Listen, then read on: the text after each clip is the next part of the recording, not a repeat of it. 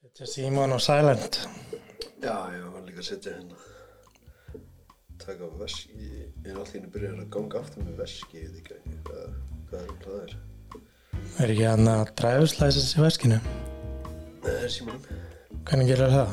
Færðu, þetta er eitthvað staðar inn á ég maður ekki hvað það er og sækir eitthvað staðar um uh, rárænt hérna aukurskiptinni Takk fyrir að segja mér. Já, það er búið að vera til í þrjú, fjögur ára eða eitthvað sko. Nú get ég alveg dissað bara veskið. Alltaf gott að vera með minni hluti á sér. Já, bara leið að ég get byrjað sko að starta bílunum mínum með, með símanum þá að ég sko heima núna þá þá hérna við erum með svona NFC kerfi heima. Já. þannig að þegar til að opna hurðina Já. það er bara að vefa símanu hjá því og þá opnast hann þannig að núna þarf ég ekki neina húsleikla eða neitt skilur Bara opna hurðar með Simonum Vá. Ég veit. Um Hvað gerist þau á tínu Simonum? það er bara lastur Já, ok. Það er að brjóta glugga. Nei, að það er reyndar það er tæknilegt að sko þú getur meiri segja sko uh, ég getur loggað mig inn í á einhvern möðurum síma og opnað semst eða þú væri heima hjá mér eða fyrir utan heima hjá mér og ég var ekki heima og getur ringt í mig og getur ég opnað hurðina. Bara úr símanum mínum. Já, já, já. Og ef ég týni símanum þá getur bara loggað mig inn á sömu síðu og, og opnað, opnað hurðina. Jú, jú, fær bara síma lána hjá nágrannum og opnar Já. hurðina. Það er skiljum. En er það ekki snett að vera með Apple Watch? Jú, Það er allt dæmið í símanum í Apple Watch sem er tíni símanum og bara Apple Watch til að bara dræfisleisa sem svo grillu kort og allt þetta já. veit ekki hvort þú sér með aukskistinu en allan að um, að ég var akkur nýr á, á Dublinu gær var að hún var snú og salnum aðeins við já, þannig að já, uh, já og hérna og það kom ykkur strákur niður að leita símanu sínum. Og hann hefði týnt hann um eitthvað á djáminu alltaf fullur og við sko ég hringdi í hann og hann, hann vissi að hann var á Dublina þegar hann sá það á netinu. Find My iPhone. Og við vorum búin að reyna að ringja og ringja og ringja í síman, heyrðum hvergi og hann var ekki í óskilumunum en samt var hann hana og hérna síðan að endanum síðan þá fatt hann það að, að hann er sennilega bara á hérna á Silent já, þannig að já og á endanum þá er eitthvað svona fítus að þetta var iPhone inn í, veist að ég fer í Find Me appið ef þú skrólar alveg niður og kemur svona uh, og getur klikka á Help a Friend. Jú, jú, jú og hann nýtti þar og þá og stimplaði sitt Apple ID inn og þá kom síminn hans eins og þetta væri síminn minn í smá tíma. Eða, veist, þá sá símin minn hvar símin hans var Já. og gætt stýrt honum. Þannig að þá letu, þú getur látað hann spila hljóð þótt hann sé á sælend þá byrjuðu að gera það og þá funduðu hann strax. Ef við höfum búin að vera að leita fyrstalega í halvtíma fyrir síu myndir eða eitthvað. Svo spila bara hljóð þótt hann sé á sælend Find me, find me. Já, þetta var samt eitthvað, þetta var eitthvað svona mjög pyrrandi hljóð. Svona eitthvað pípljóð Svo neyðir er bara í guðspænum hvað er þetta síma helviti getur maður ekki startað bílnum með þarna símanum núna ef þetta er rafbíl eða ekki? Nei, ég er með rafbíl, ég geta ekki sko. Það er Tesla. Já, ég held að þessi bara þessi dýrari típuna Tesla og Audi og eitthvað svo leiðis og kannski, jú, kannski þessi allara nýjustu núna. Bílum minn er náttúrulega fjagur ára. Já, að- þannig að það getur verið. En hann er sko, það er nóg bara að vera með sko, jú ég gæti sannlega gæti sannlega að fixa þetta sjálfur sko. Að það er bara svona örfluga í mm. líklu, það er ekki líkil sem fer inn í neitt. Nei. þetta er bara, og ég er bara start. Ef, ef, ef þessi líkill þannig sé er nálægt þá er bara nóg að þetta start. Og líka til að læsa bílnum ef, ef ég er með líkilinn í vasanum þá lesa bara fingrafæri mitt að utan og þá læsa bílnum með að opna bílinn. Þannig að ef ég tæki þess að flugu úr úr skilinni sem hún er í. Hún myndi hún að því það er líka sannlega bara hvað NFC dæmi þannig að það eru glægt að koma því í síman sinn. NFC Já, Network, hvað hva stendur að þeirri? ha mann ég ekki. Þetta er, veist, NFC er veist, til dæmis, þegar við byrjum bara að geta sett kortin okkar við posan, Já, það, það les NFC-ið já, ok. Mann ekkert hvað NFC stendur fyrir. Nei, Near Field Communication já, megasens. Já. Og NFC í hérna Apple Pay.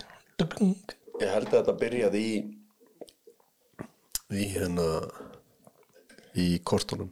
Já, þú veist og svona, svona aðgangskort inn í einhverja stofur á sjúkrósum eða eitthvað svo leis já, megasens. Þar, þar byrja, byrja þetta. Síðan er í dag sko þú getur keift ég var að segja að þú getur keift svona ringa Já, sem eru NFC þannig að þeir þú veist, þú, og þú bara prógrama það sem þú vilt að sé í honum. Þannig að ef þú fyrir með ringin nálátt símanum hjá einhverjum þá kannski poppar upp heima síðan eða símanúmerið þitt eða eitthvað. Já það maður getur keift bara, þú veist, eins og Apple Pay num bara með ringnum Já, getur verið með ring og á vantarlega að opna, opna hurðuna heima og, og allt þetta þetta getur maður hérna getur nótist að samfélagi alveg fagna þau þurfa bara með ringabutanum Já, getur farið út úr húsi og opnað hurðina og keift sér og allt maður. Já, ég held að það sé nú ekki landið að það að örgulega hægt að vera með bara eitthvað innbyggt eitthvað, eitthvað shit bara í puttunum eða eitthvað. Já, þetta sé bara eingrætt Já, þú veist, bara þú ert með eitthvað í einu puttunum og, og nota það í Já, að opna hurðina heima og, og, og borga og auðvitað eingrætt í handa bakið eitthvað svona Nei, ég veit það ekki. Það er það Þetta væri bara hérna svona Neuralink, bara svona ígræsla í heilan eins og Elon, Musk er að- Elon Musk er að hana og bara hugsa um og viljir opna bíl, opna hörðina eða starta bílum gerist það? Það var þetta alveg gæðið sko. Ég Já, bæði. Því og bara hugsa um að panta nýjan drikk og bara kemur. Bara einhverju veitingastæði eða eitthvað. Það er, það er bara í Þískalandi Já, sem er með svona, svona borðið, þú veist, einhver hluti á borðinu er einhver svona, svona touchpad eða svona svona iPad. Ja, Nei, ekki iPad, þetta er, Nei, svona, ok. þetta er svona eins og svona thinkpad eða hvað sem það heitir, eins og er á tölvum svona músin. Út af því að, sko, þegar þú setur niður bjórin og hún finnur að, að glasi er alveg verið tómt þá já. pantar hún nýjan bjórfyrir það er geðveikt. Og síðan bara kemur hún með hann þetta er, veist, einhverja þannig að þegar þú vilt, þegar þú ert hættur að drekka þá setur þú ekki á þetta. Þá setur það bara ekki starf annar staðar. En svo lengi sem þú setur það hana niður og glasið þetta er að tómt og kemur bara nýr Næs Það verið sneið til Las Vegas. Ég held að í spilavítunum þá má maður drekka endalaust. Já, svo, lengi, svo lengi sem maður er að gambla þá fær maður endalaust að drekka. Já, Sér, maður á þetta ekki að drekka áfengi allan tíman á nei, nei, fá sér eitt whiskyglas og síðan bara kóka eitthvað já, það er náttúrulega. Eitt whiskyglas til að slaka slaka maður niður halda, maður, halda róni já, síðan bara kók eða spræti eða eitthvað bara alltaf, áfram síðan. Já, nákvæmlega. Eða gera það þetta ekki þeir eru bara, bara endalist að dæla í spilakarsuna blackjack og þetta Já, nákvæmlega, ég held að, ég að spilavitin vil ekki að þú sért með allt og mikið og sért ekki allt og Já. þannig að, þannig að þeir eru er líka ég heyrði ekki til manna hérna munn, þú veist, það er alltaf teppi já, á, á hérna í veist, á hótelunum. Og þegar þú kemur út úr hérna þú kemur út úr öllum liftum þá eru teppin lögð þannig að munstri í teppinu leiði þið inn í spilavitið vá. Þú veist, það er einhverju svona munstur sem þá myndi þá beigja og halda áfram og leiða það fram. Vá. svona átast að þú eitthvað mikið spáir í því en nei, og það er aldrei neina klukkur inn í spilavitum nei, aldrei glukkar nei. Þannig að þú sér ekkert hvað, þú er búin að vera lengi eða neitt sko. vá. Spilavítin hafa leifi til að henda mann út af spilavítin og banna mann uh, og þau þurfi ekki að gefa neina ástæðu. Það þýðir að maður er bara nógu góður er bara reiknað hún í blackjack.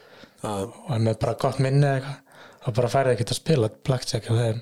Nei, nei, uh, nei ef, þú, ef, þú, ef þú ert að vinna húsið of oft þá, þá henda þér þeir bara út sko. fara fyrst með í kjallar og berja það í smá en þetta er hann Já, nákvæmlega. Já, það var ykkur var ykkur samt ykkur hérna ykkur félag ykkur, það var kennari í ykkur um háskóla ég held að það voru að kenna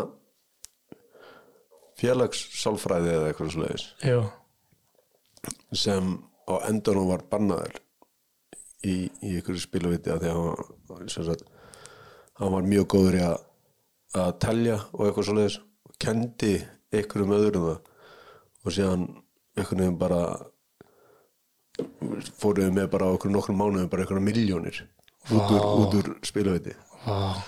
En síðan var ekkert hægt að gera neitt skilur við Nei, það er bara, þetta er einhver ekki fyrirtæki. Ef þið fílaði ekki, það mátti ekki vera að nynni Það er bara, já. Og Já. þetta fílar ekki að maður er, veist, alltaf að vinna húsið. Nei, þú ert of, of góður en þú veist þá væntalega ferðu bara í í ykkur svona spila já, veist, svona mót skilur Já, já, pókermót sem- póker. Spila hann mótið öðru fólki. Já. Það vinnur húsið alltaf anyway. Já, ég held að líka sko í þessum pókermóti þá kostar eitthvað að taka þátt. Þú þarf að kaupa þið inn og þú mátt ekki hætta fyrir en veist, ég held að sá sem vinnur hann fær 80% af öllu. En um leið að þú ert bara búið með öll chipsiðin þá verður þú bara að fara og þá fór bara það í pottin þannig að á endanum veist, það eru tíu manna sem er að setja í pottin og á endanum þá fær ykkur einn. Ég held að það sé fyrst á hennu Já, ok. En þetta getur tekið ykkur vikur og spila eitt svona pókermót sko. Eyrði maður ekki þreyttur maður? Að ég held að ég spila bara ykkur tíu tíma á, Já, á dag Þú það er, tíu tíma á dag? Já, það er Bara tíu tíma, wow að ég held að ég taka sér eitthvað, eitthvað pásir svona einn á milli skilur ég hef ekki séð það sko það til heil heil sjónvars rás sem er bara þetta allan daginn 24 hour. Bara að vera að fylgjast með fólki að spila póker í svona pókermótum. Og bara rásum, bara póker. Já, bara ekkert annað. Wow, bara sína, þú veist, já, frá mótum endalaust. Wow Það er er svo- það er svolítið crazy. Að það sé til actually en ég meina, þú veist, það er til að til að rás ekki ein, heldur þrjár rásir á stöðu tvö sem sína bara golf. Já, þú eins leðilegt að það er að spila það hvernig er að horfa það? Þú var svona það er róandi að horfa þetta Reyndar. Mjög svo. Já, hefur hort mikið á golf? Ég hefur verið í svona bakgrunn því ég er að vinna það gólf í bakgrunni hjá mér. Ah, ok, Ég hef klift með gólfleik í bakgrunni. Það er svona er að klippa á stóra skjánum og litla skjánum með gólfmót ok, já. Já, ég er nokkuð sem æsist allan ekki upp Nei, nei, nei, nei. Það alltaf svo allir svo rólegir sem spila golf. Þetta er alltaf, þetta er græni liturinn hann er róandi áhrif á mig. Að heldur manni, heldur mig rólegum og heldur mig gangandi. Þetta er alltaf í Flórida. Flórida, grænt gras þetta er svona, yes Og líka, líka allir, allir, allir sem er að lýsa golfi eru allir svona, eru alltaf svo og, og núna er hún nýjundu hólu og er að reyna að fara.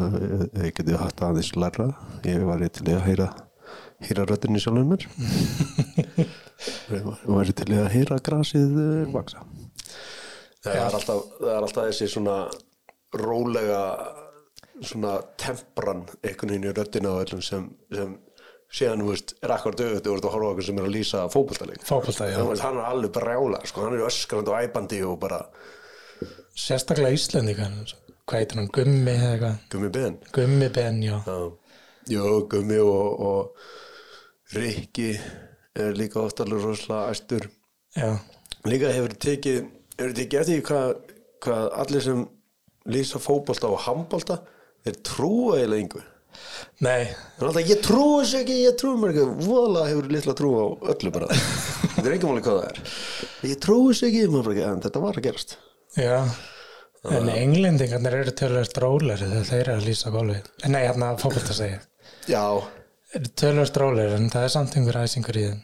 Síðan ég hef nú reyndir aldrei heyrt það en ég hef bara veit að það er marg talað að, að, að spámverðinu séu alveg bara þeir þurfu bara að leggjast í rúmið eftir að hafa líst, líst fótboltaleik sko. þeir eru alveg bara brjálaðar allan tíman sko. Já, ég trá því með þessi í hálfleik þótt að það sé ekkert ykkur sko.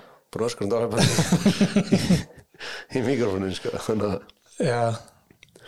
að það er þetta er líka svona þetta er eins og núna, ég var að horfa á All-Star í NBA já, og munurinn á að horfa á sko uh, ég var að horfa á hérna Super Bowl þar síðast. Þess að núna er NBA All-Star.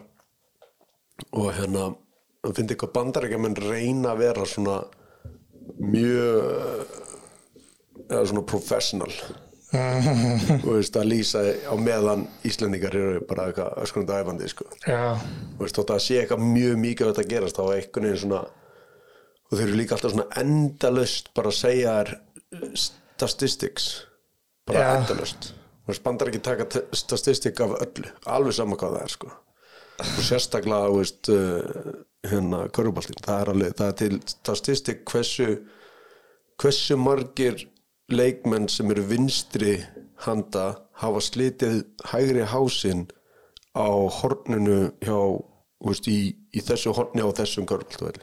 Það er bara það til, það er, það er til data um allt. vá Það er alveg fáránlegt hvað það er til mikið af að dóti og ég sá ykkur tíma þegar þeir eru með svona mann ekki hvað er kallað það hérna þá veist þegar þegar þeir sem eru að lýsa þeim sitja á golfinu síðan þurfa þeir alltaf að tala við eitthvað tæknifólk sem geta klift aftur saman og sínt aftur og sínt hægt og sínt eitthvað, ég man ekki hvað er kallað þetta herbyggi, bara eitthvað videorúm eða eitthvað, nei það er samt ekki, það er eitthvað annað. Já, og hérna og það er fáránlegt hvað eru snöggir. Það geta tekið bara til bara, veist það gerist eitthvað, eitthvað rennur eða eitthvað. Og gaurinn sem er að lýsa hann bara, að herðu, þetta gerist líka hérna fyrir Kobe Bryant fyrir tveimur árum. Og sko innan við sekundur þá er það myndefni allt í hennu komið. Bara búið að í það. bara einhvern veginn og bara akkurat þegar hann dettur. Maður bara svona, Vá, allt, allt bara beinni útsendingu. Já, allt er beinni útsendingu. Talandum maður að fljóta klippari maður. Já, ég held að þeir sé líka alveg sko, þeir eru með eitthvað database þar sem þeir geta bara skrifað inn. Bara síndu mér allar sóknir sem byrjaði á þessu. Og þá er bara eitthvað búin að analæsa hvernig einasta leik eftir hvernig einasta leik. Er eitthvað sem þurfa bara að analæsa allan leikin og þá bara veit talvan þegar þú getur byggðið um, herri, síndu mér þetta. Enda þegar NBA leikur er búinn þá kemur svona eins og eins og í bíómyndum. Kemur svona videorúm og síðan er bara klippari, klippari, klippari, klippari veist eitthvað, lalalala það er bara alveg þvílíkt magn af fólki sem er fyrir aftan þetta bara til að geta sínt þetta í beinu bara kreditlisti. Já, og öllum sem tók upp leikinn. Já, Herðu, segðu mér eitt, þú varst í færiðum Mm, já. Fór allavega til færiða klukkutími og korter í flug. Það er ekki meira Nei, að við vorum lengur heim. Við vorum náttúrulega í einn og hálfum tíma heim. Æ, ég veit ekki hverju- hvað, hvað það var. Það er ekki alveg að drepast í bakinu allan annan tíma? Nei, nei. Ja, Þetta eru Þetta eru eru litlar flugvélar sko. Mm. Það eru Það er bara tvö sæti og tvö sæti sko. Já, Þetta er alveg það lítið sko. En hérna Ef maður tók eftir því Það er Við fórum hvaða fimm Af okkur á heimaðana skilur En hérna En ég held að Það voru kannski 15-20 Í vilni veist. Og allir sem komu með okkur löpuðu bara út og fóru inn í bílunum sína þetta voru allt færingar veist. við vorum einu túristarnir held ég á eigin allan tíman sko. en það var dáur að, ta eh, að tala um það veist. það hvað heitir hann? Dáur Dáfur. Mm. Það er hann uppstandari.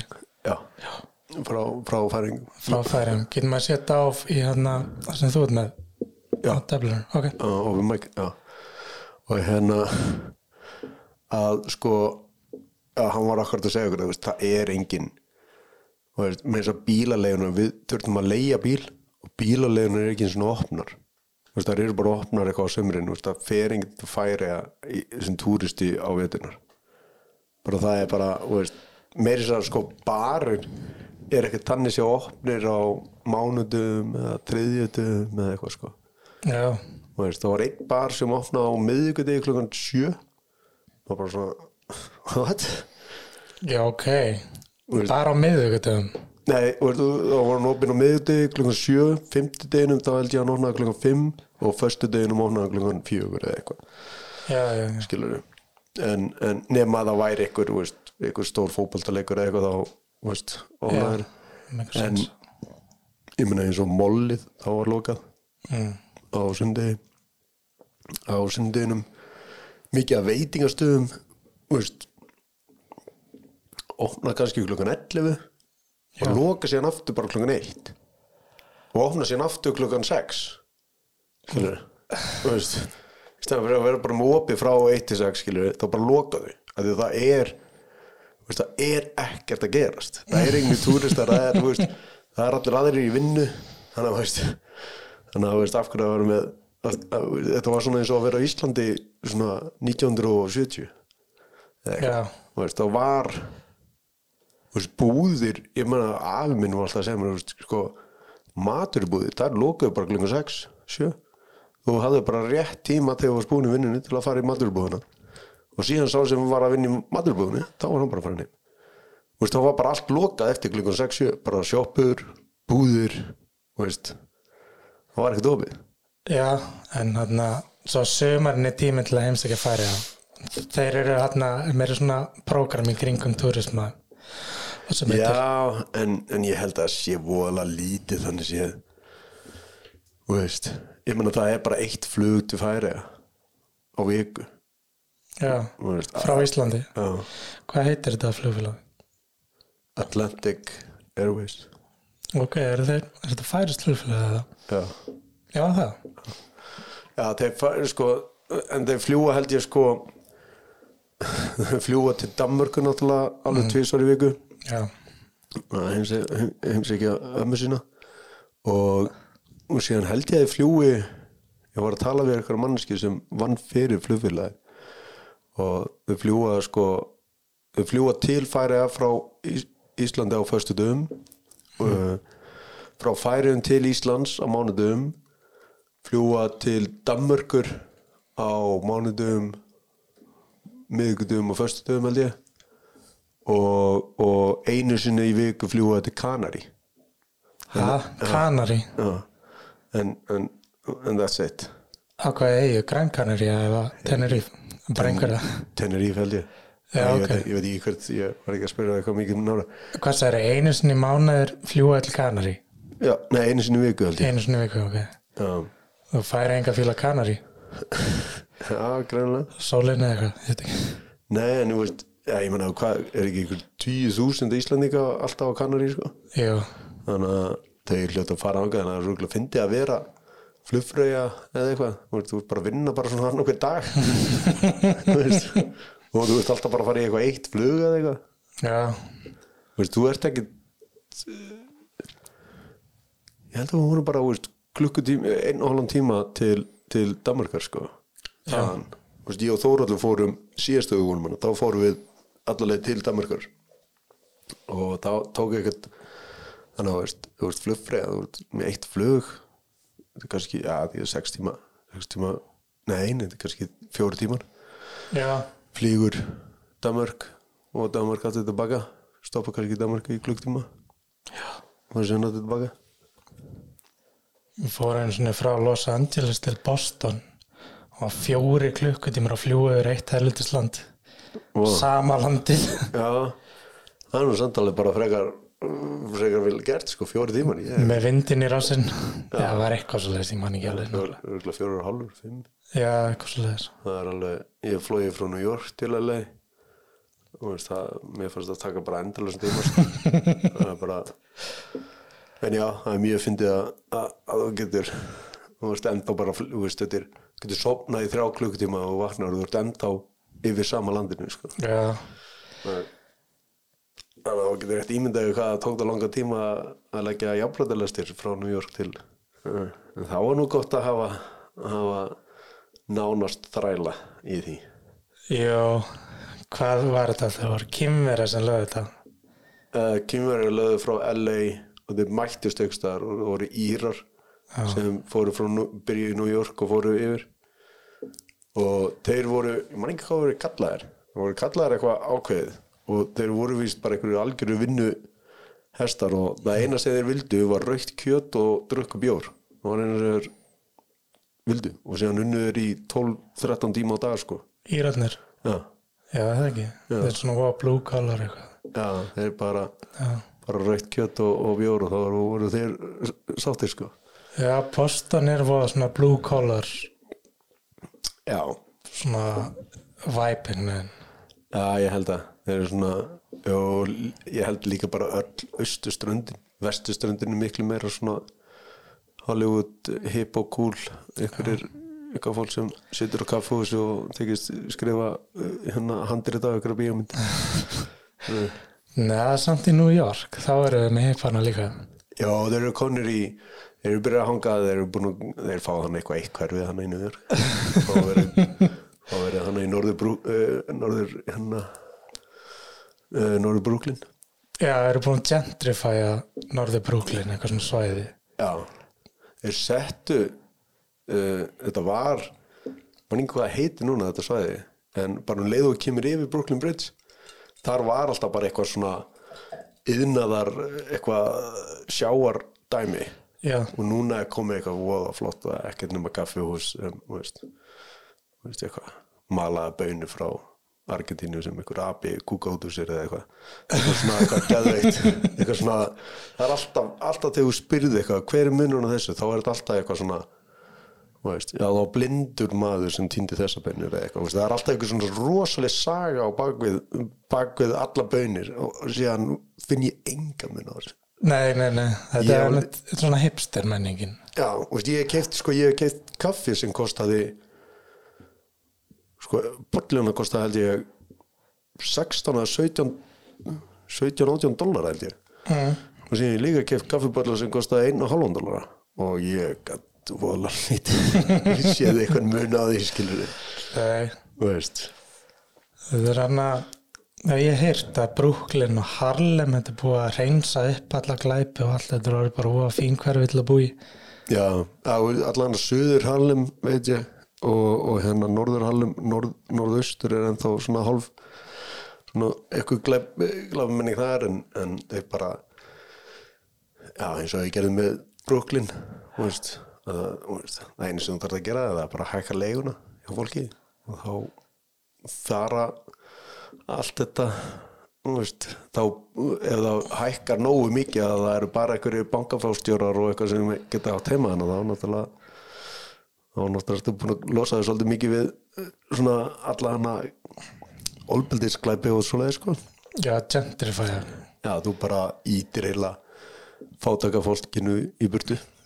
Safnaðum alltaf norðar, norðar og norðar Já, það vísið, það vísið. Og hérna, þeir kaupa líka eignir af fólki á góðum prís. Og gera upp íbúðunar eða eitthvað. Selja þetta síðan aftur. sko Harlem, sko Sugar Hills uh, söður hlutin af, af Harlem. Já, hann var alveg sko 100 og þriðja stræti minni mig að byrja. Nei, 108 eitthvað. Að hérna sko þetta var byggt fyrir bara efnað fólk sko í byrjun. Já, þá var þetta sko þá þótti flottara að búa frá miðbænum. Mm, þá þótti flott að vera sko hinn megin við, við hérna norðamegin við Central Park en það er þetta risa stór og flott hús og, og, og, og, og stóra íbúður og eitthvað. Að þá vildi enginn vera í vesinu niður í Manhattan sko.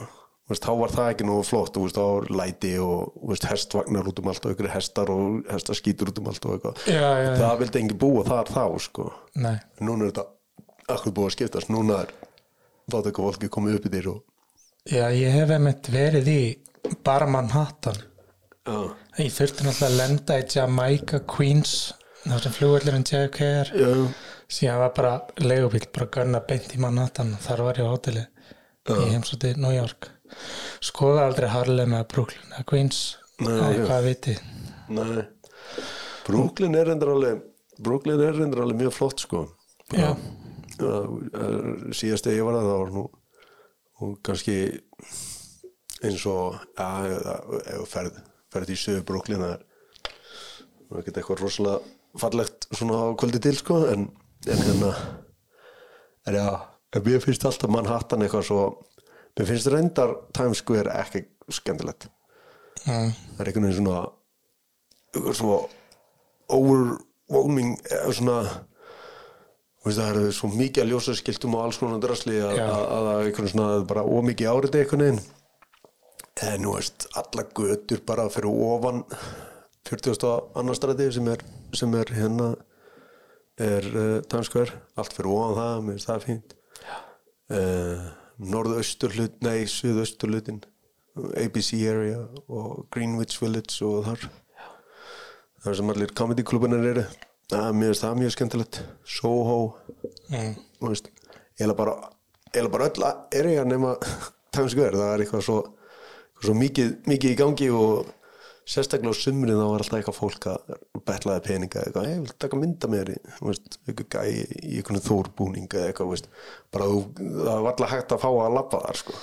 Já, já, ég kannast við það svipað á Hollywood er einhver gæi súpjáðum búning eitthvað Já, akkurat Þannig að getur verið að stand-up comedy hafi verið fundið upp í New York á þessum comedy klubum. Fyrsti comedy klubur efer hafi verið í New York. Na, sko þeir segja að sko þeir segja að að, að stand-up hafi nú byrjað í Breitlandi Já, uh, og kom síðan yfir til uh, Bandarækina og þar svona uh, þar varði þetta að einhverju svona tannisir listgrein skilur veist. þar varði þetta að alvöru stand-upi sem við þekkjum í dag já, í bandarækjunum.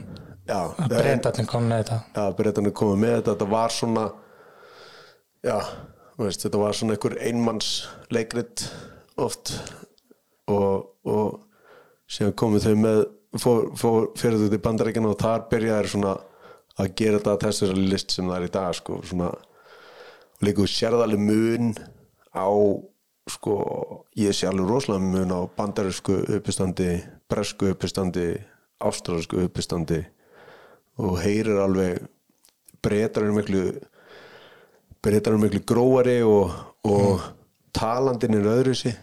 Já, og meðan bandarækjumenn eru svona miklu hraðara það er svona, þeir líður eins og eins og þeir eru svona eins og svona notaði bíla sölumenn. Já, já, já. sel, reyna að selja bíla og eitthvað svona, svona bara, hei, ja, þetta er svona bara veist, það er alltaf svona meiri asi í því sko, heldur en breska, breska svona meira yfirvæ, svona yfirvægað og einhvern veginn. Og síðan, veist, síðan er Ástralin einhvern veginn einhvern veginn svona eiginlega einhvern veginn á milli. Hann er ekki alveg bandaríska hefðin og hann er ekki breska hann er einhvern veginn svona rétt inn á milli All right. Aftur að færiðum, varstu með stand-up í færiðum? já, við með tvær sýningar. Nú erum við eina í miðvá eða vó, vá held ég að þetta Já, og, og síðan eina í, í og hvernig kom mikið af fólki? sko uh, í miðvá uh, sko ég held að þar búi sko 65 manns og þá er ég líka að tala um allt fólki sem er í kirkjugarðinu sko.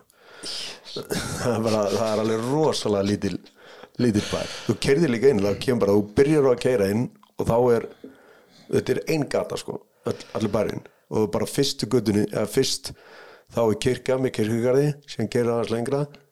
Þar er uh, bensinstöð sem gerir aðeins lengra og þá önnu kirkja og kirkjugarður og þá ertu búin Og það þetta eins og vilda vestri. já, er bara Svona ein gata. Já, og síðan salón svona pínu litla götur svona hér og þar inn sko, þú en ekkert meina það sko, og það er ekki eins og búð að ég allan að sá enga búð Þú Hvað er þetta? Váur, stóri váur, Nei, miðvá miðváur. Þú lendir í vái Þar er hann að flugstöðum þeirra. Já, hún er í vá og síðan ferði í miðvá og síðan kom eitthvað annað vár og síðan gefum það svo en ég held að váur er bara orðið eins og við segjum vogar. Á miðvógur mm. Þar var reyndar og líka það sko við sem sagt, þetta hús var í eigu kirkjunar og, og hérna og, og þau voru samt hægt að nota þetta. Og þau vildu gefa, þetta heiti listasmiðjan. Eða lista já, Það sapnaði heimili kirkjunar já þetta var, þetta var eitthvað eins og leis. Og hérna, þannig að þau kirkjan gaf þetta til einhverja hérna artista. Og þau, og þetta heitir listasmiðjan núna. Og það er nú aðalega veist, ykkur málverkarsýningar og, og, og eitthvað svona leir eitthvað rögl og eitthvað svona og eitthvað Bara listasýningar. Já, bara eitthvað svona listarsýningar kannski ekki mikið að sviðlistu en, en, en bara svona listarsýningar og hérna og, og þau fengu þetta gefins með tveimur uh, sagt að þau þurftu að fylgja allan að tvennu. Og það að það mætti ekki blóta og, og, og svona já, við erum með dónaskap inn í húsinu. Já, og það mátti ekki drekka inn í og við brutum báðatarreglur já, það ekki. Já, og fólkið sko og að þau voru sko þau komu sjálf með bjór sem þau voru að selja ánöndum okkar sko. Mm. þannig að þau voru þannig sé að brjóta þetta og Þau sem sá um húsið. Já. Og- Nei, nei, listafólkið já, sem list, listafólkið sem kirkjan gaf húsi til sko. Já, já, ok, ok. Og þau fenguðu það ókipis með þessum tveimur skilurðum sko.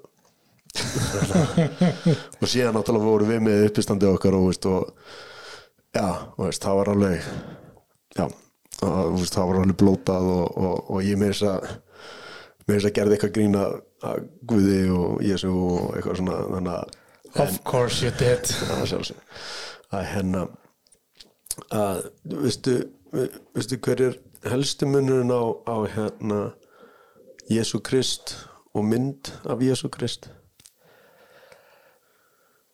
Það þurftu bara einn nagla til að hengja myndina. Ó, oh, jeez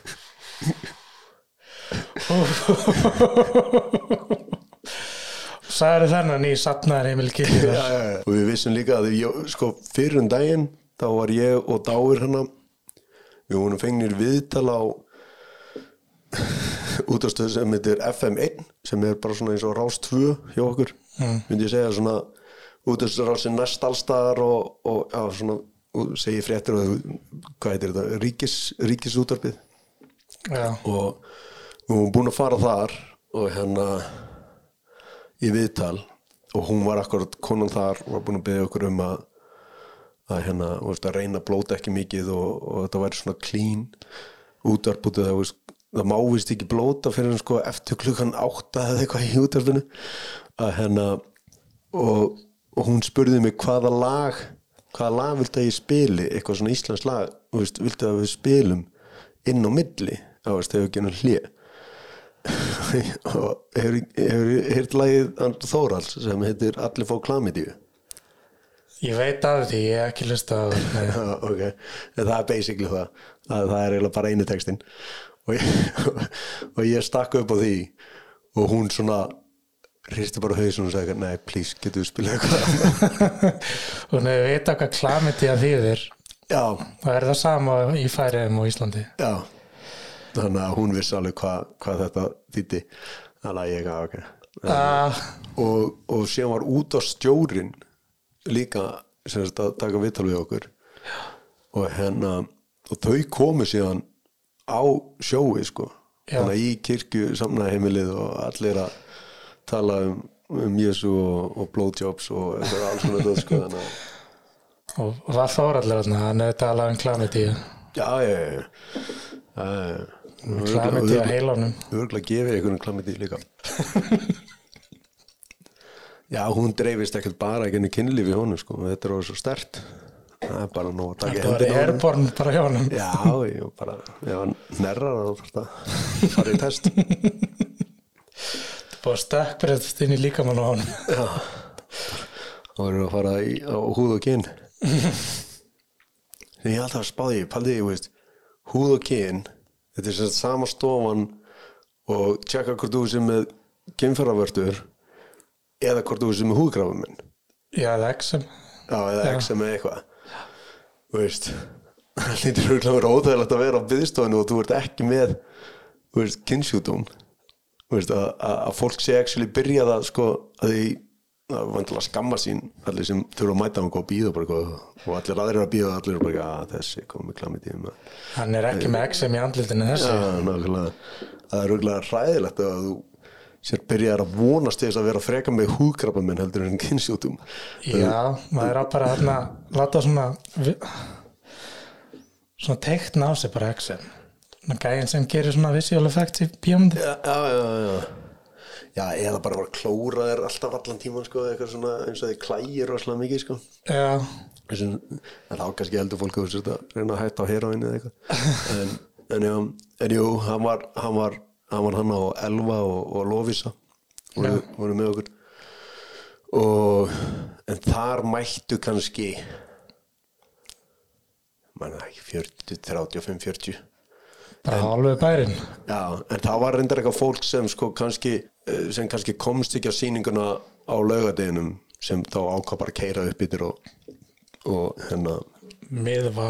já, upp í, upp í miðvá. Var- voruð með sýningu fyrst í Þórsöfn og síðan í miðvá? Nei, fyrst í miðvá.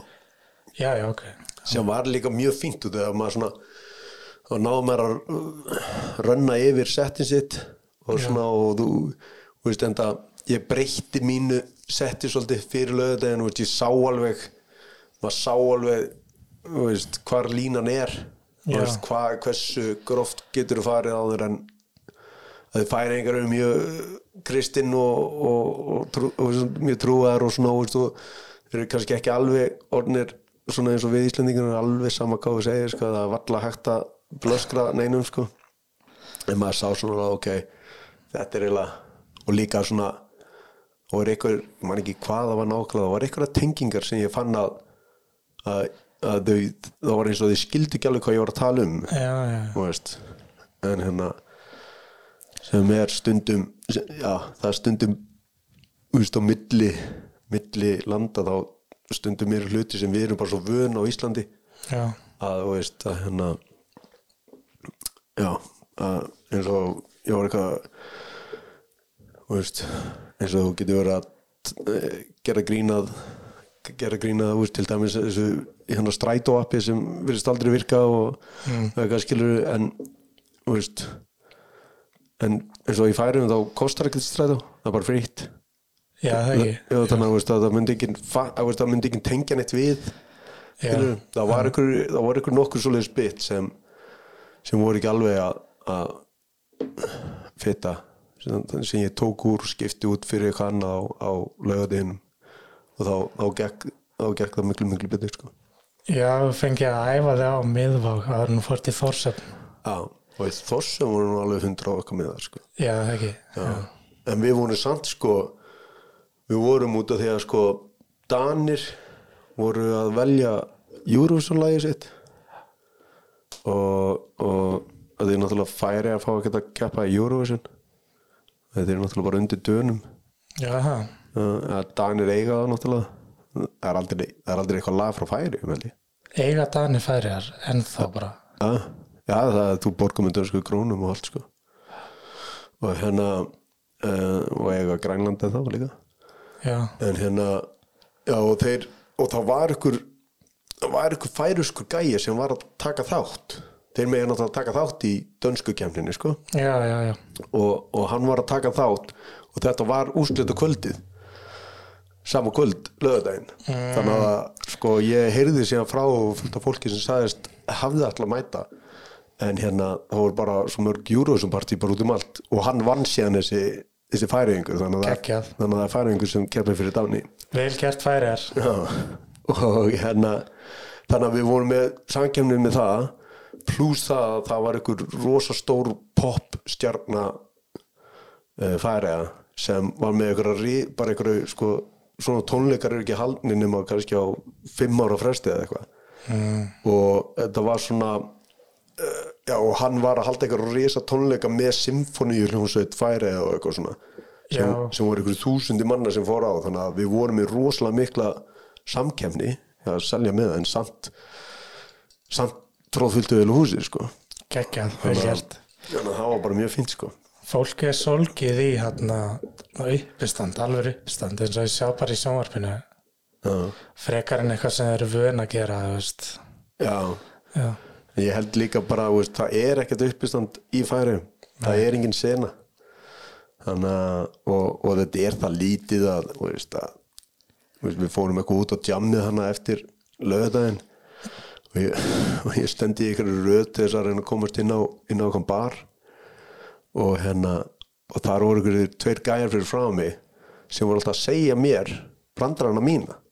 Sem þeir voru á sjóinu voru alltaf að, að minna mig á hvað ég hefði sagt síðan og síðan sagði ég þennan brandar og ég bara, "Gaurar, ég, ég veit. Vist, ég, ég var ekki að segja ykkur þetta bara rétt á. En þeir voru bara ánir eitthvað blindfyllur og fannst það eitthvað, eitthvað, eitthvað fyndi sko það gæti að vera bara fyrsta uppisand sýningin þeirra efer þannig að maður var svona alveg maður var svona alveg, já, herru ok, já, ég veit, ég, ég er samt enn að brandara og ég er búin að segja hann svona 30 sinum, en já já, maður verður að koma varlega af svona fólki sem fíla mann alveg í drastl já, að maður verður svona já líka því þú, ég gæti ekki farin eitt nei, að því þau voru farin inn á staðin og ég var aðeins senni þannig að ég þurfti bara að býða í röðinni með þessum gaurum skilur og ég var alltaf að vonast til þess að þeir myndu fara fyrst inn og það myndi stoppa hjá mér og láta mig býða aðeins lengur sko.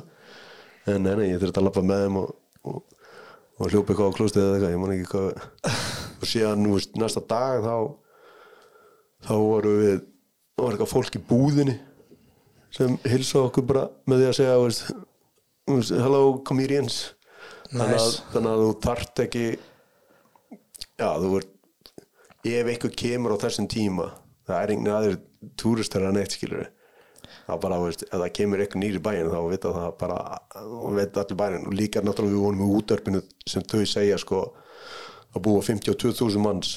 Þannig að og þau eru með 38.000 eða eitthvað sem hlusta. Þannig að það eru bara allir bæinn en ef maður er uppistandur í færium þá er maður að vita sennilega allir í færium alla brandarna manns.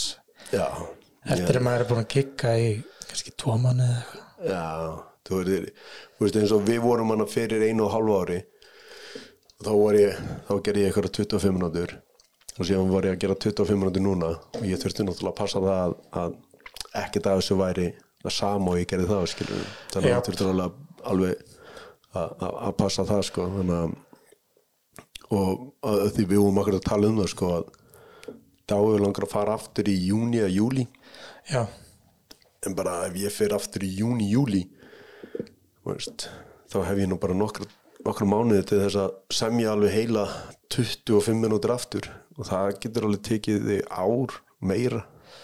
Veist, að búa til góðan hálftíma getur tekið alveg eitt og allt ár sko. veist, ég er að fara að vera með frinsýningu núna í, á Reykjavík Frins og ég fer með hana til Svíþjóðar líka og, og Norex en þú veist það er 45 minúna sýning og það er búið að taka mig já, eitt, næstu í tvö ár að búa til það efni. Bara rista til henda sem virkar ekki og já, þróa áfram efni sem virkaði. Já, og síðan bara síðan þetta alveg inn stundum vikur, bara marga vikur röð sem ekkert, ekkert virkar. Skilu, og þá bara bætist ekkert við tíman skilu, það bara maður svona já, stundum bara verður maður bara að gera svona brengir, síðan allt í hennu dettur maður inn á eitthvað og síðan byrjar að geta mjölka það og það kemur eitthvað annað út úr því og, og allt í ertu aftur komin í gang sko.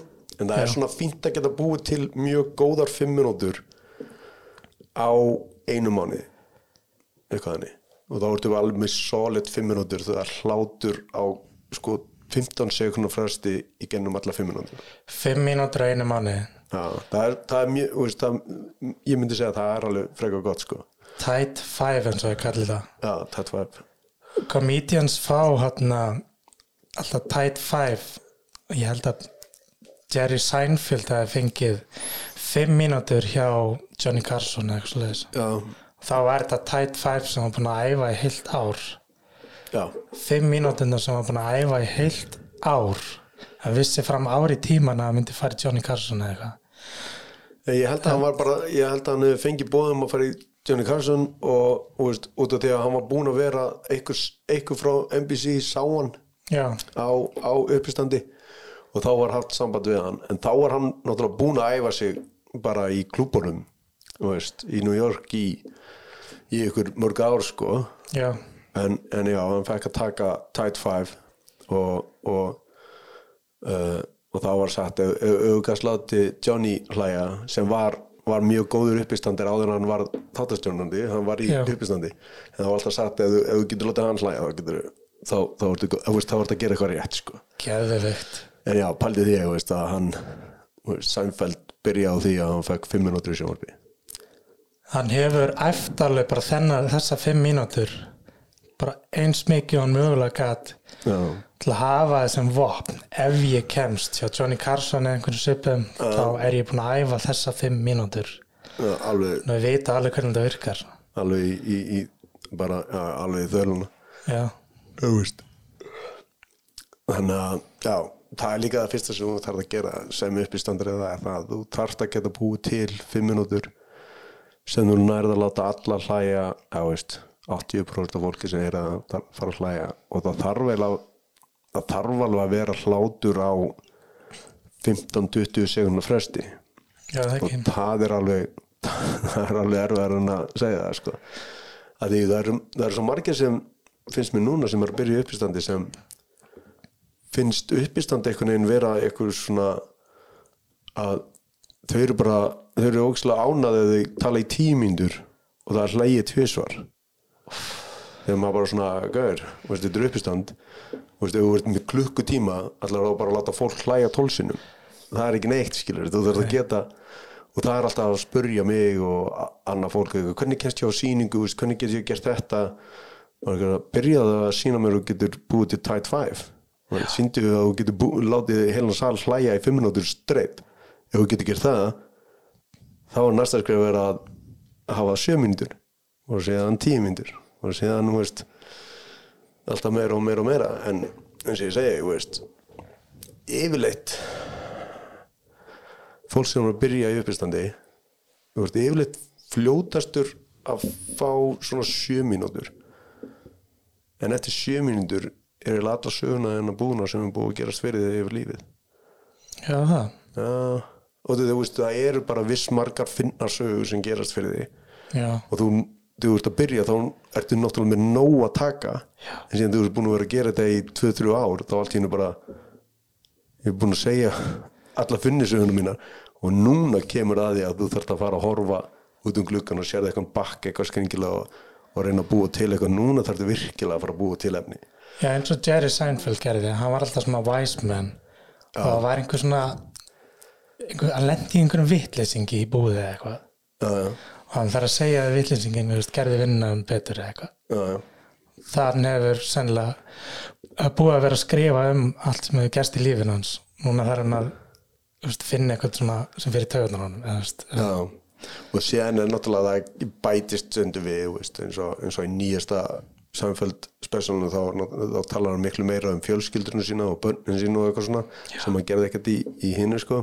Nei, en þú einhvern veginn svona þarf að byrja geta búið til um, já þarf að fara að geta hort á hluti með öðrum augum til þess að geta gert gert eitthvað bytt út úr því skilur mig.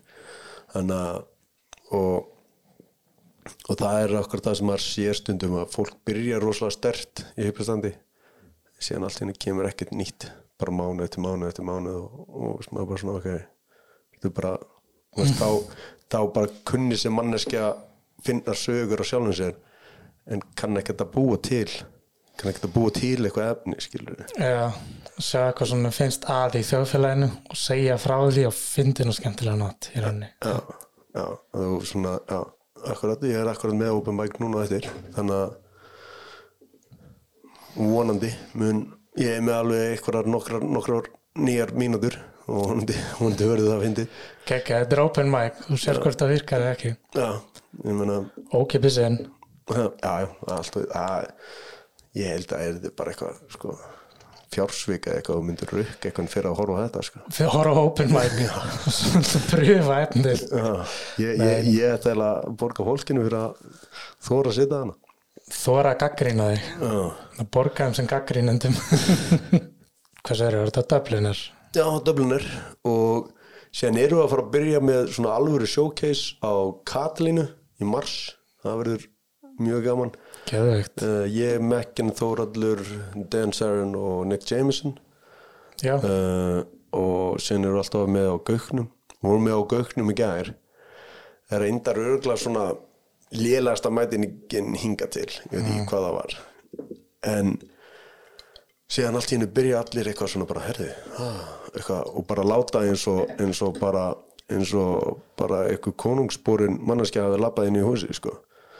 Og ég eitthvað svona hva, hver, hver, hver er það? Og já, er, þau eru bæði geðið fræg. Og ég fræg, hver, er það og hann eitthvað, saði eitthvað nafn. Og ég eitthvað, hver, hver er fokkar það maður? Síðan fer ég eitthvað fram og horfa á þau og bara nánast byrja að stara þau og ég bara ég aldrei sé þetta lið þar. Hvað, hvað, hvaða lið er þetta? Og allir bara eitthvað fríka út og síðan viltu allir fá myndi með þeim og eitthvað. Og veitu ég skal, ég skal segja þér hverju þetta voru. Ég lata okkur að þú veitir. Ok, eftir ég googlaði þau var svona, ah, ok myndi eftir ég, veist. Þetta er strákur að stelpa? Þetta er, já, þetta er bæði. Tværmannskir ekki Tvær mannski, svo frægar allir störðu á þau. Og þú veisar ekkert af hverju allir voru starraði það er ekki hugmyndum um að sjá. Það er sínt með mynd, kannski kveiki, kannski ekki. Þetta er sem sagt Mekken og þetta eru þetta eru fræðafólkið Ég er tómur. Já, er nákvæmlega. Sko, ég fatta allt í hennu hver þetta er. Horfður ekkert hérna á Brooklyn Nine-Nine?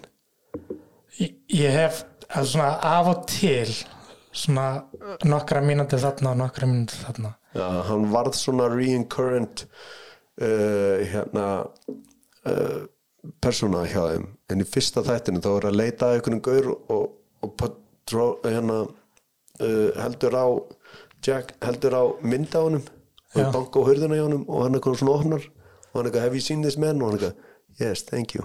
Og tekur bara myndina heldur að það sé að vera að gefa honum myndina og lokar að hérna leika grannlega einhvern gaur um að sjá. Sko þau heita en, en ég fatt að þessi hann leikur vist í Wednesday hann að þáttunum. Hvað leikur hann þar? Já, Fester Adams Er þetta hann? já, Hann er allir hvítur í Adams family. Já, þau heita sem sagt þetta er nöfnu þeirra. Rick Lindholm er, er konan og Fred Armis Armi, Armirsen Fred er Uncle Fester í Adams family. Já og hún leik líka í ykkur hún leik líka í ef þú manst þetta er þeir fengu tvo, tvo löglu þjóna frá Svíþjóð.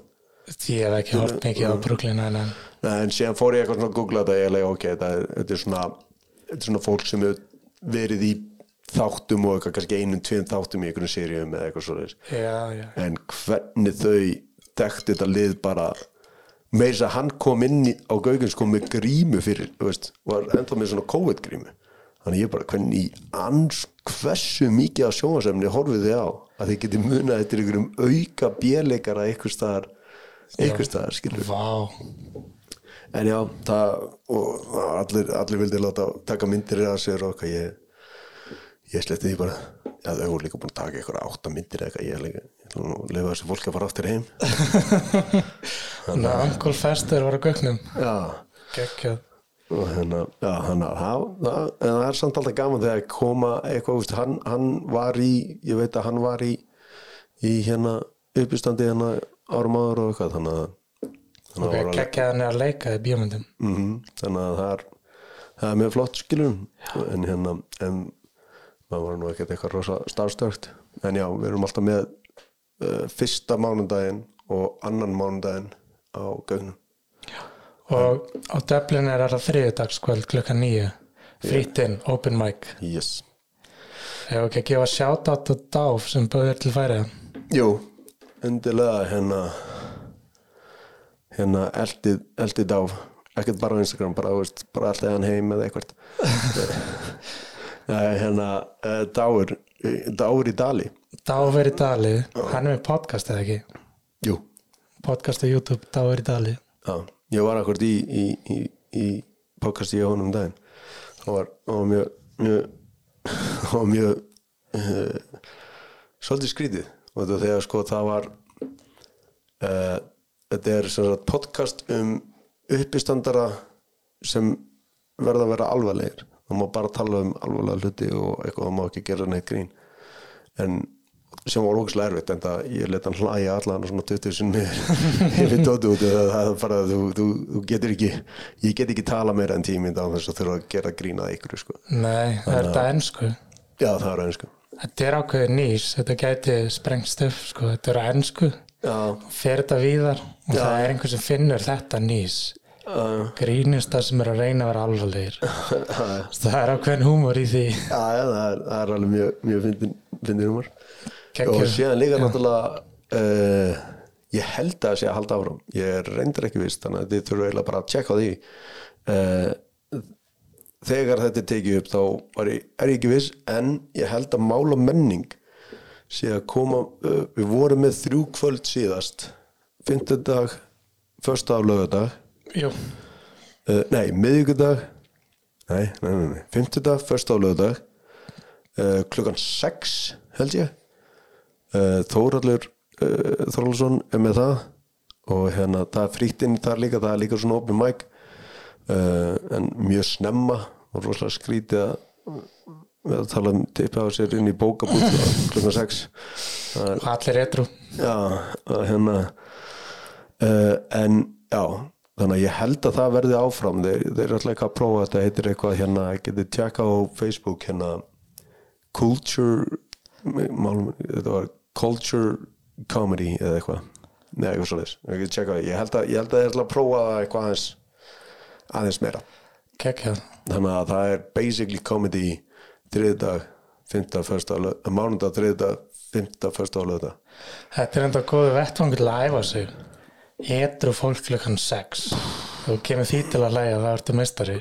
Já, þetta var líka eins og síðast og bara eitthvað tvær konur sem voru bara beint fyrir fram á sviði og þeirra var að sína henni eitthvað málverk sem hún hefði keift og var eitthvað að sína henni á, á, á síman og þau bara töluðu þú veist mér bara leiði eins og ég var í heitapátunum í, í, í, í hérna lögadalunum eða eitthvað. Bara með gömlu köllunum bara allir að tala um eitthvað sko, það var enginn að hlusta bara allir að tala. Og og maður bara svona, af hverju fáu ykkur ekki sæti kannski þarna?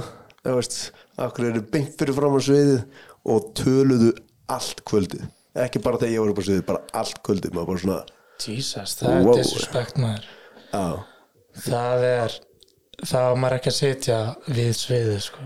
Nei, og, og, veist, það er alltaf lega að setja við sviðið ef, ef það er eitthvað gítarleikari eða eitthvað en veist, þegar það verið að tala í þá er náttúrulega tala frekar- onni í tal. Að svolítið skriði það gengur ekki. En fólk, fólk er skriði Ef ekki gefa sjátt á Þórald líka Jú, er jú, Þóraldur uh, Elva sem er náttúrulega nýbúin með, með sýningunum sinna Matum Tourette's. Já, Madame Tourette's. Já Matum Tourette's. Uh, Ég held að senasta sýningin ég held að ég samt að setja hann aftur í gang. Hún, hún gekk alveg það vel í, í hérna tjánamíu Kekjað. uh, og já, sem var Lofisa með okkur líka sem er hérna þú, þú hitt Lofisa held ég. Jú, hún held þarna Frostbiter já, hryllingsmyndakefnina, ég kerti það, ég tók þátt í henni ná, ok, já þá ok, kynntist ég Lofisi já, ok, ok. Gegnum hryllingsmyndir. Já, ég held að ég held að hún sé, hún er með podcast með uh, með hann Friðrik sem heitir Garpar Gríns Garpar Grínsins. Er það ekki? Jú, Já, Ga- Garpar Grínsins. Þannig að já, þá held ég held ég að það sé allt.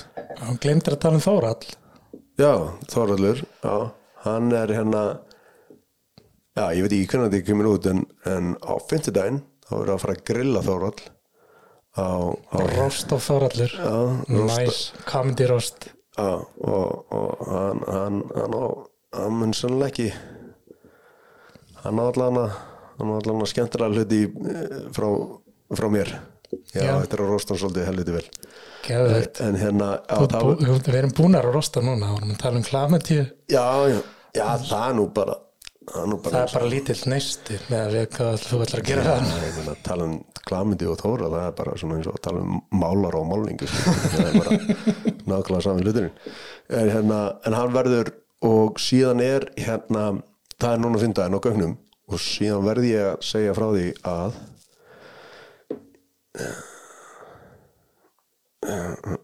að því drengurinn er að vera færtur og hann er að halda upp á sem sagt uh, ekki bara það að hann sé að vera færtur heldur uh, er hann að halda upp á 20 ára comedy amali geta yes. búin að vera brandarakall í 20 ár. Já já.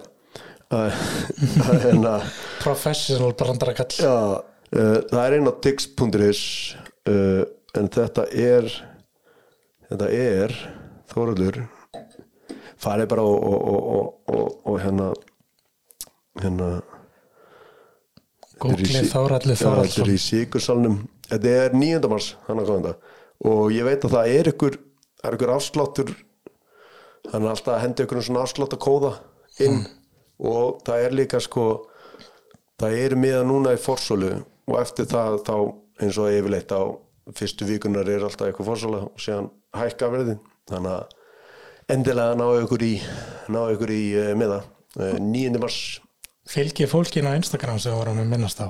Já, þau eru alltaf að auglýsa í story og allt uh, sem er að gerast hjá þeim uh, mörgaðum haft blind full líka á stóri það er mjög skemmtilegt. Mjög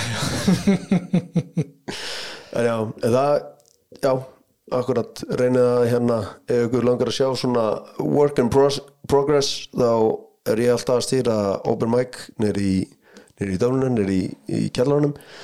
Uh, við erum með sýningar í, Kat- á Katalínu og, og, og hérna, þær eru á ennsku og þetta er náttúrulega alltaf á ennsku. Uh, og, og gögnum og já, mál og menning og já, og 9. mars þá, sjáum við Þórall segja brandara sem hann er búinn að segja í 20 ár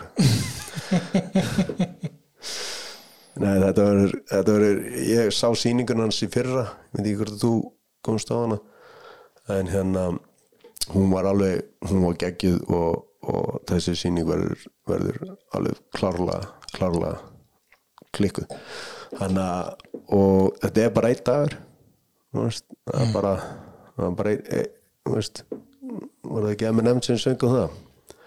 Only one opportunity. Jú, mm, þannig að hérna að það er bara það sama. One opportunity. Woman on a sweater? Mom spaghetti. Já, mom, mom spaghetti on the sweater. Ég held að við ættum bara að leifa M&M að rappa. Já, aldrei hann sé betri rappar en við. Já, en fimmtudaginn að ég viljið sjá fólk uh, vera mjög mjög vond við Þórall að rostan en síðan er það 9. mars þá mun bara Þórall vera rosalega vondi við sjálfum sig. Hérna, þannig að að það er nú með félagsfælinni sko, er svolítið skrítið að bjóða 180 manns í ammælið sko. Það er með kvíða. Já, kvíðið, Já, það er allir hann Já, Já, hérna. Ég held að það sé nú það er samt að finna það, ég held að það sé nú með uh, flesta uppistandara. Það, er- það, er- það allan engin á okkur hilbrið það, það er alveg, alveg potið það, það er mismunandi hlutir að mismunandi fólki. Gallar gera mann hann gallar gera mann áhugaverðan. Já, já, vonandi. Það var, það alltaf sagt henni gamla þegar í tréhúsum að, þegar það brakaði þá, að þetta voru trösta brestir þannig að ekki það að spýta mér að fara í sundur sem hún var sennulega að gera en bara svo þeir þurfti ekki að lagana þá segðu alltaf, já, þetta er nú bara trösta brestir Næs, vel sagt. Já, þannig áður við förum ef ykkur vantar uppistand í, í frúköpi ykkar eða eða jarðafyrir eða, eða hennar. Og veist, einhver stað þar sem fólk kemur saman á þorrablót eða, eða vislur uh, hérna hérna, hvað heitir þetta? Samkomur. Já, þegar, þegar fyrirtæki halda ársatið, þannig vá, týnsu krest á hérna ársatið eða eitthvað hvort sem það er veislustjórnun eða, eða hérna eða bara uppistand þá bara endilega verið í bandi. Það, það er pottet eitthvað staðar en að eitthvað linkur sem við getum klikkað á. Þannig að já, bara ekki klikka á þetta en klikka á það sem er ykkur stærina fyrir neðan fyrir minn fyrir neðan vídeo á YouTube. Já, fyrir neðan, já, eða fyrir neðan vít, hann að hljóðklippuna á Spotify. Já, já, herru, bara gegga takk og vonandi sé ykkur flest ykkur starf ykkur tíman Takk, takk